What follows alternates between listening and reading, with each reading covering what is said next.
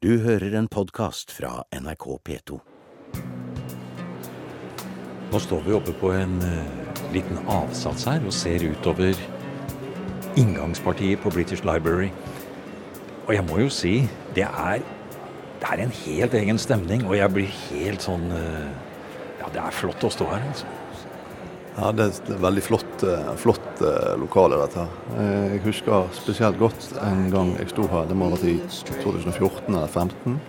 Da jeg hørte musikk, jeg satt inne på lesesalen, så gikk jeg ut for å se hva det var. og Så kom jeg ut og kikket over kanten, og der sto jammen Jamie Cullum og spilte noen låter nede i, nede i foajeen her. Det var en morsom, morsom opplevelse.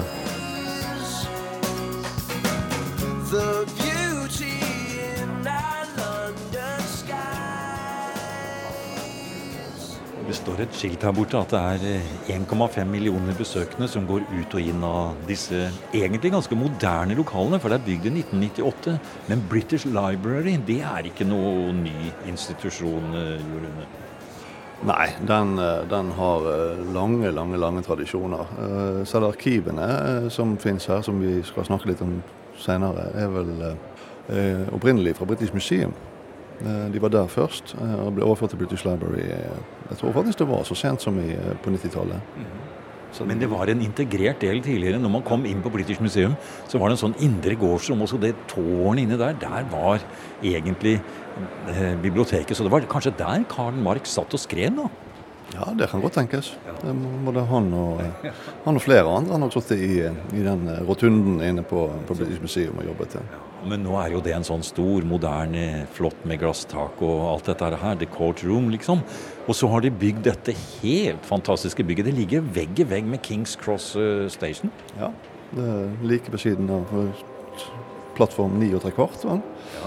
ja, ikke sant. Du kan ta, der kan du gå gjennom veggen og komme til helt andre steder. Men det er nesten som det er det som har skjedd her. Og så får vi se det store trapper som går frem og tilbake. Og det er ikke Hogwarts vi er på, men det er altså British Library. Og det er en hel vegg med glasskap og flotte rygger og bøker og alt mulig rart bak deg. Lyset kommer inn ovenfra. Og det er masse folk som sitter og jobber her. Jeg har, lest, jeg har lest lite bøker her. Jeg har lest uh, mye, mye, manuskripter, altså gamle håndskrifter fra, fra middelalderen. Jeg er middelalderhistoriker, ansatt i Arkivverket og har som hovedoppgave å gi ut noe som heter Diplomatarium Norvegicum. Altså eh, gamle brev og dokumenter som kaster lys over Norge og norsk historie og nordmenn generelt sett. Eh, enten disse dokumentene befinner seg i Norge eller utenfor. Og British Library har sin, sin relativt store skjerv av eh, dokumenter som er interessante for, eh, for norsk forskning, eh, også for middelalder. Når vi først har begynt både med Jamie Cullum og musikken til Harry Potters Chamber of Secrets, så lar vi den tone fint ut bak oss mens vi går på oppdagelsesferd på British Library i London sammen med seniorarkivar Jo Rune Ugulen Christiansen fra Arkivverket. Han har ikke bare vært restaurantkokk i Bergen, men har også doktorgrad i middelalderhistorie, med en avhandling om den jordeiende eliten på Vestlandet. Ja, nå har vi kommet oss inn her jorden. Det er, det eh, er nesten som vi føler at vi har Nå er vi en del av en liten utvalgt elite, for det er så utsolgt her. Som vi står nå inne i utstillingen her. At uh, denne billetten vi holder i hånden, er jo nesten som et verdipapir her i, i London nå. Ja, det er jo det. Og det er jo en, en fantastisk inngangsparti til utstillingen her. Med, med lyssetting og Ja, det, de er flinke. Dette kan de. Nå skal vi gå litt inn her, og så skal vi se hva vi kan Det er utstillingen Anglo-Saxon Kingdoms med undertittel 'Kunst, ord og krig' vi lar oss inspirere av. Utstillingen stengte våren 2019, men er fortsatt å finne helt gratis i en digital utgave på British Libraries hjemmesider. Og man kan bestille en overdådig katalog med flotte artikler om alt som var med på utstillingen. Det er spesielt den helt siste delen av den anglosaksiske perioden vi skal lete etter. For der kan vi kanskje finne spor av både kong Knut, dronning Emma og hele det historiske møtet mellom skandinaver og det anglosaksiske. Og det er hit vi må for å finne så tidlige skriftlige kilder. For mens skandinavene hadde sine runeinnskrifter på de flotte monumentene, var angelsakserne i gang med en stor produksjon av bøker, håndskrifter og dokumenter allerede i det tredje og fjerde århundret. Ja, altså, midt på, på 400-tallet kan vi kanskje si at de begynner. Eh, altså, de, de, erstatter jo på sett og vis romerne når de, når de går ut av eh, Reiser ut av Britannia og overlater det til innbyggerne selv. Da kommer angelsakserne, først som leiesoldater, og så senere som erobrere. Jeg tror det jeg ser på her nå, når vi går ned en trapp og ser på en lyssatt monter, det er den berømte Og det er eh, denne bøylen fra 1700, ja. Beltebøylen med gull og besatt. Den har jeg bare sett i bøker. ja, det er fantastisk, eh, fantastisk gjenstand. Det er jo et, håndverk som er, som er, uten sidestykke. At de klarte å Vi snakker altså om et, gull, et ganske stort gullsmykke fra ja, det er 1400-1500 år gammelt, kanskje. Ja. Og med en, med en detaljrikdom som er helt utrolig. Og dette ble jo funnet i denne 1700-graven, så hvor skipet var borte, men hadde gitt avtrykk nede i grunnen. Så selve treet og skipet var borte, men det var et veldig rikt funn der. Og dette er jo noe av det virkelig viktige anglosaksiske funnet i hele Storbritannia. 1700, det er liksom noe som alle vet i, i Storbritannia. Ja. Eh, det er jo spekulert å være en kongegrav eh, av en av de tidlige kongene på, over East Anglia. Man har gjettet på en som het Redvald, eh, som var en av, kanskje en av de viktigste kongene i, i England tidlig på 600-tallet.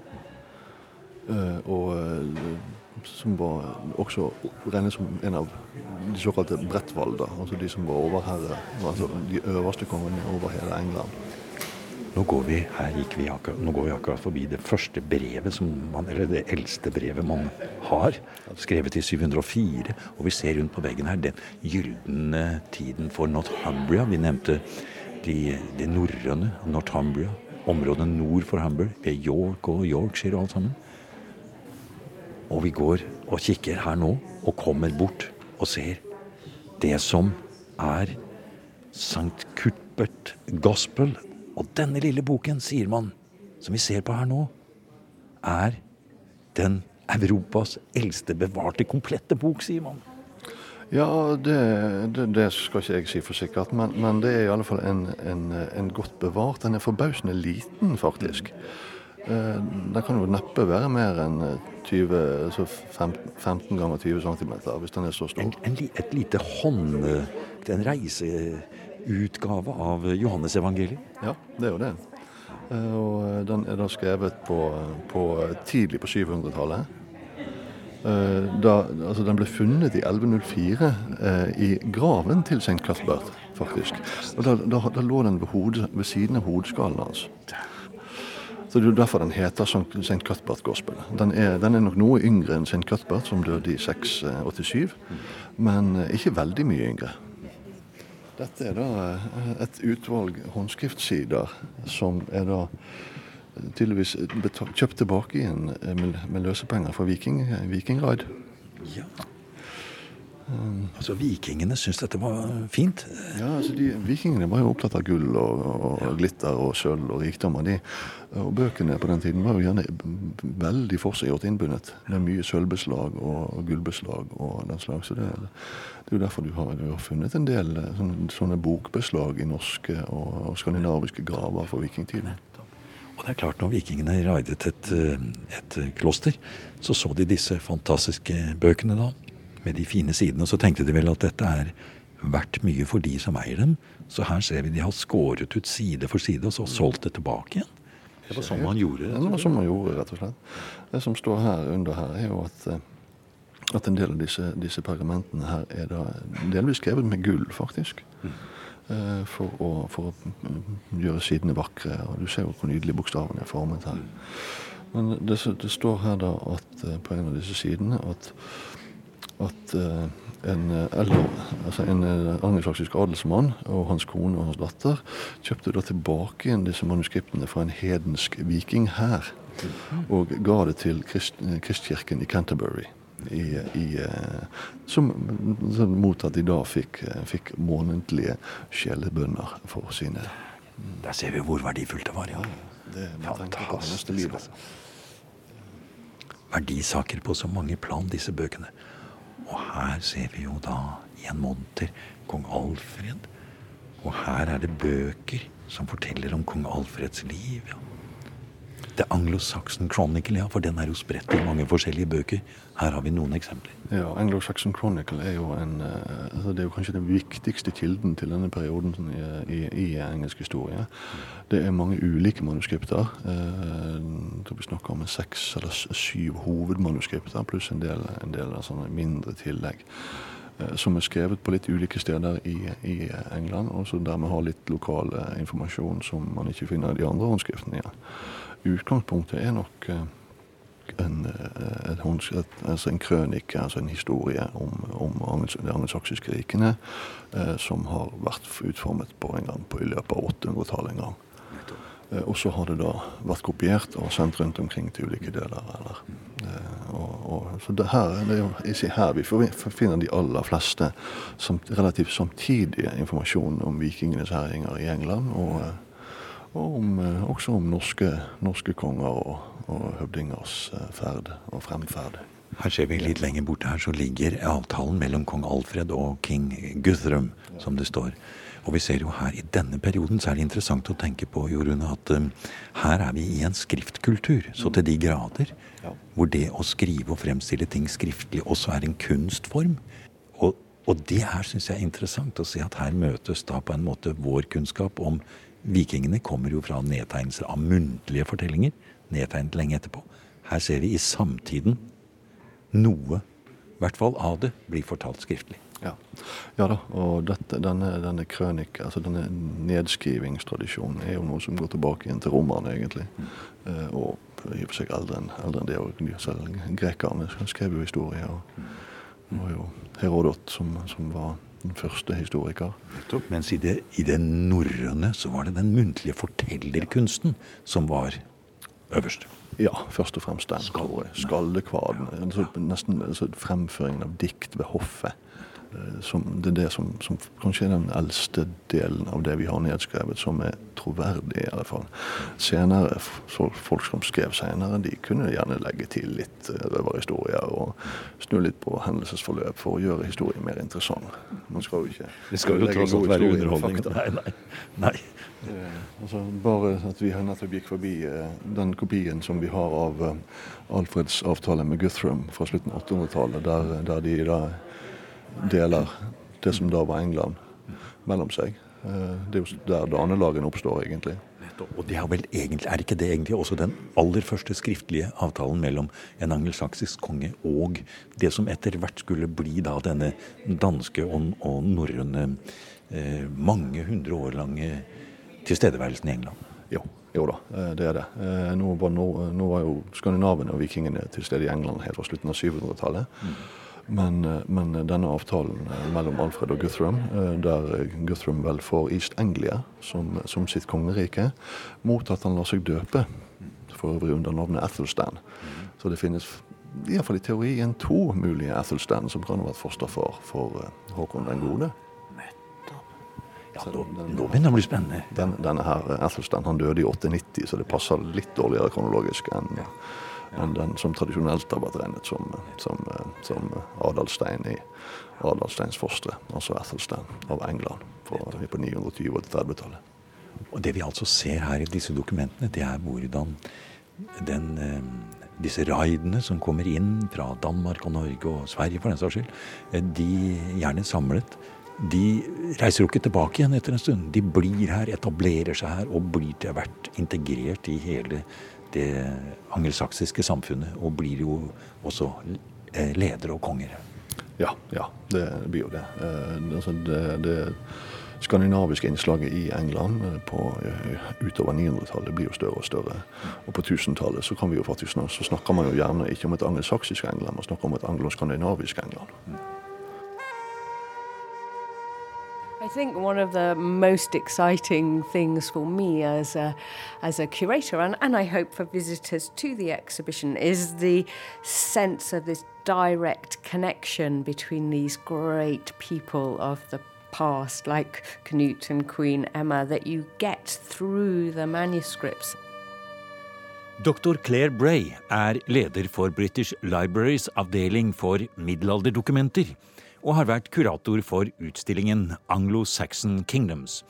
En av de største publikumssuksessene i British Libraries historie, med flere hundre meter lange køer og fullstendig utsolgte hus hver eneste dag. Kanskje har det noe med brexit å gjøre, men det er det strengt forbudt å nevne.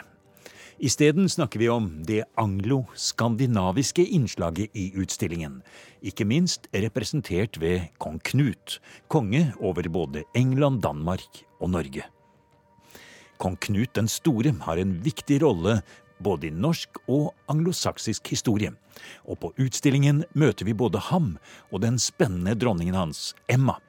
Hun var Englands rikeste kvinne, datter av Richard av Normandie, gift med to konger og ble mor til to konger, spilte en stor rolle i tronfølgestridene både i England, Danmark og for den saks skyld i Norge på tusentallet.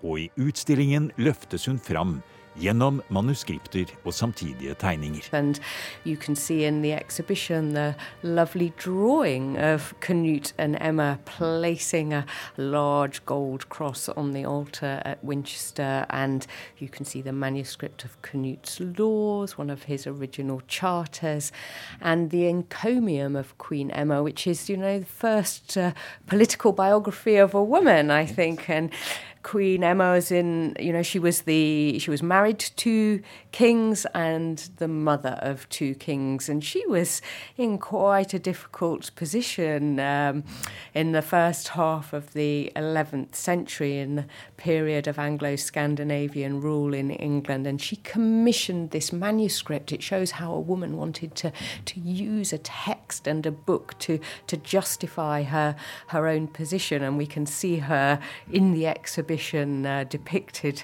there with her two sons one the son of Ethelred the Unready, and the other the son of King Canute, looking on from the side. But yeah, I do think it is that excitement about the that manuscripts give you that direct connection with the past that is really thrilling.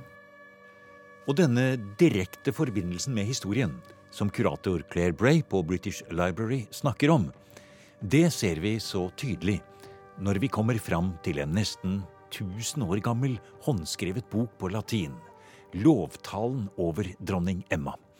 Encomium Emma Regina, antagelig laget på hennes egen bestilling. Vi ser både dronning Emma og kong Knut.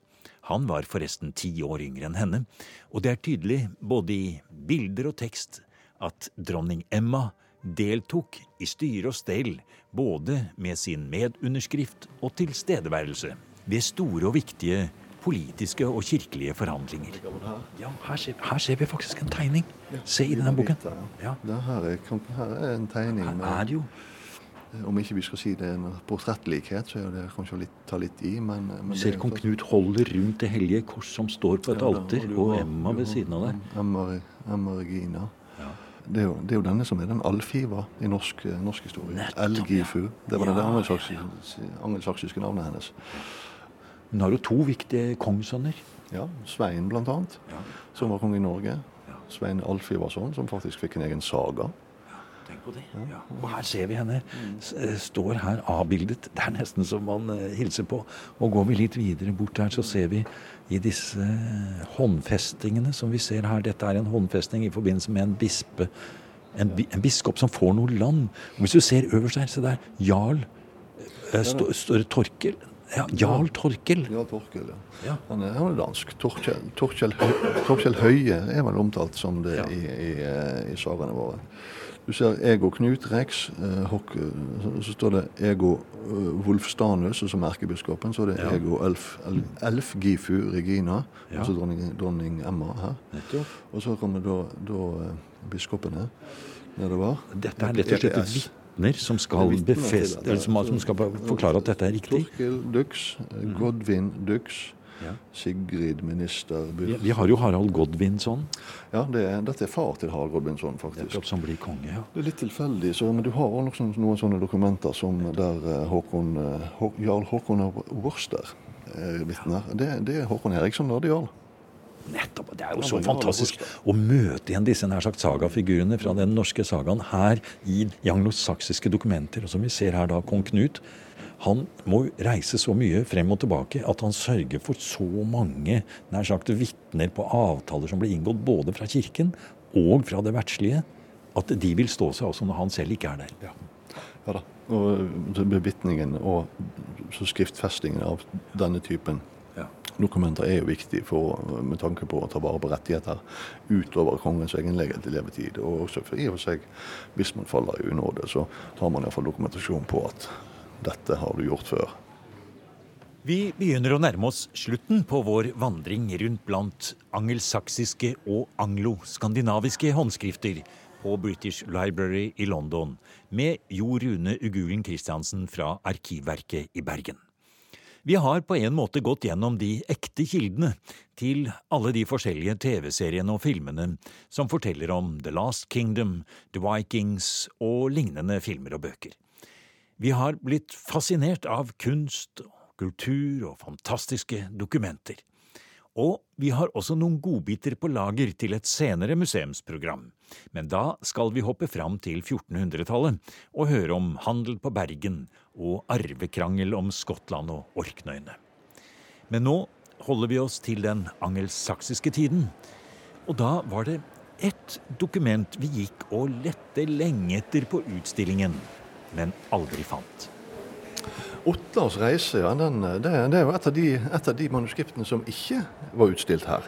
Argumentet var, og jeg forstår argumentet ganske godt, det er at håndskriftet ikke er så veldig pent å se på. Eh, altså, det, er et, det, er et, det, er et, manuskript som er, som er både gammelt og svært verdifullt. Men det har ikke den visuelle, eh, det, det, visuelle ekstra som gjør at det egner seg godt i en utstilling.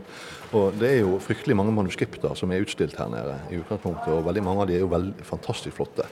Hva heter åttar på, på si angelsaksisk språk, da? Liksom, hvordan er det tatt vare på? Her henter du laptopen din, ja, for du har jo bilder av hele pakka. Eh, det er vel omtalt som author, tror jeg. Author, ja, ja nettopp.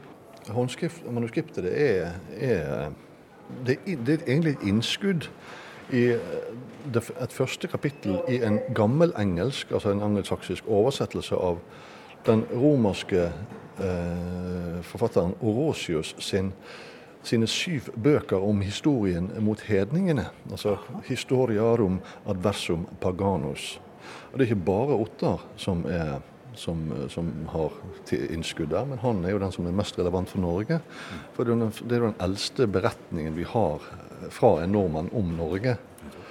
Um, og Jeg vet ikke om vi skal prøve oss på den ja, ja, angelsaksiske uh, teksten.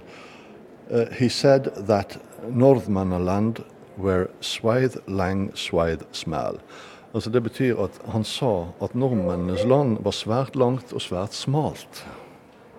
Det kan vi jo være enig i. Det kan vi være enige om, ja. Han, uh, han, fortalte, sin, han fortalte, jo da, eh, kong Alfred, at han bodde lengst nord av alle nordmenn. Altså Han sa han bodde nord i landet, ved Vesterhavet men fortalte også at landet strakte seg eh, svært langt nordover derfra, men at det er helt ubebodd, unntatt på noen få steder der samer slår leir for å gå på jakt om vinteren og for å drive fiske ved havet om sommeren. Jeg syns absolutt at dette dokumentet burde vært med i utstillingen. Men det er jo fordi vi har dette spesielle forholdet til Ottars beretning. Eh, nå vet vi også at eh, det er mulig å gå inn da elektronisk og se på det. Og Det er kanskje noe du vil eh, gjøre, eller anbefale andre å gjøre?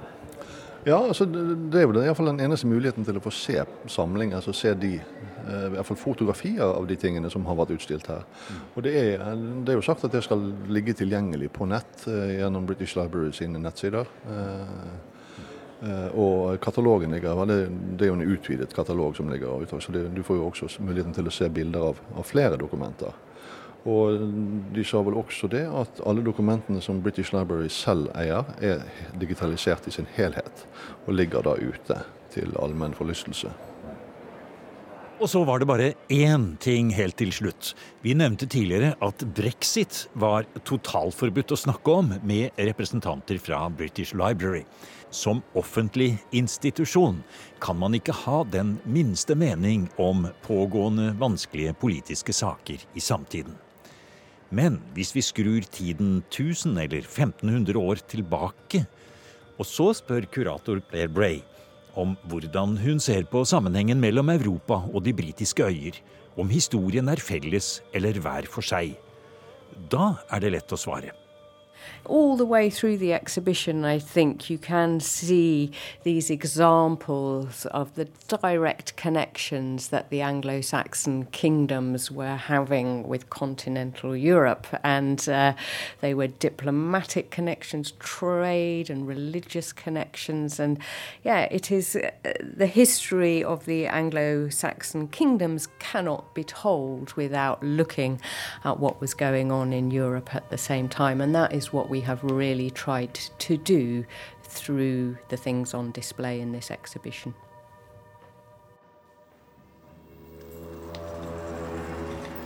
Du har hørt en podkast fra NRK P2. Send gjerne en e-post til museum krøllalfa nrk.no.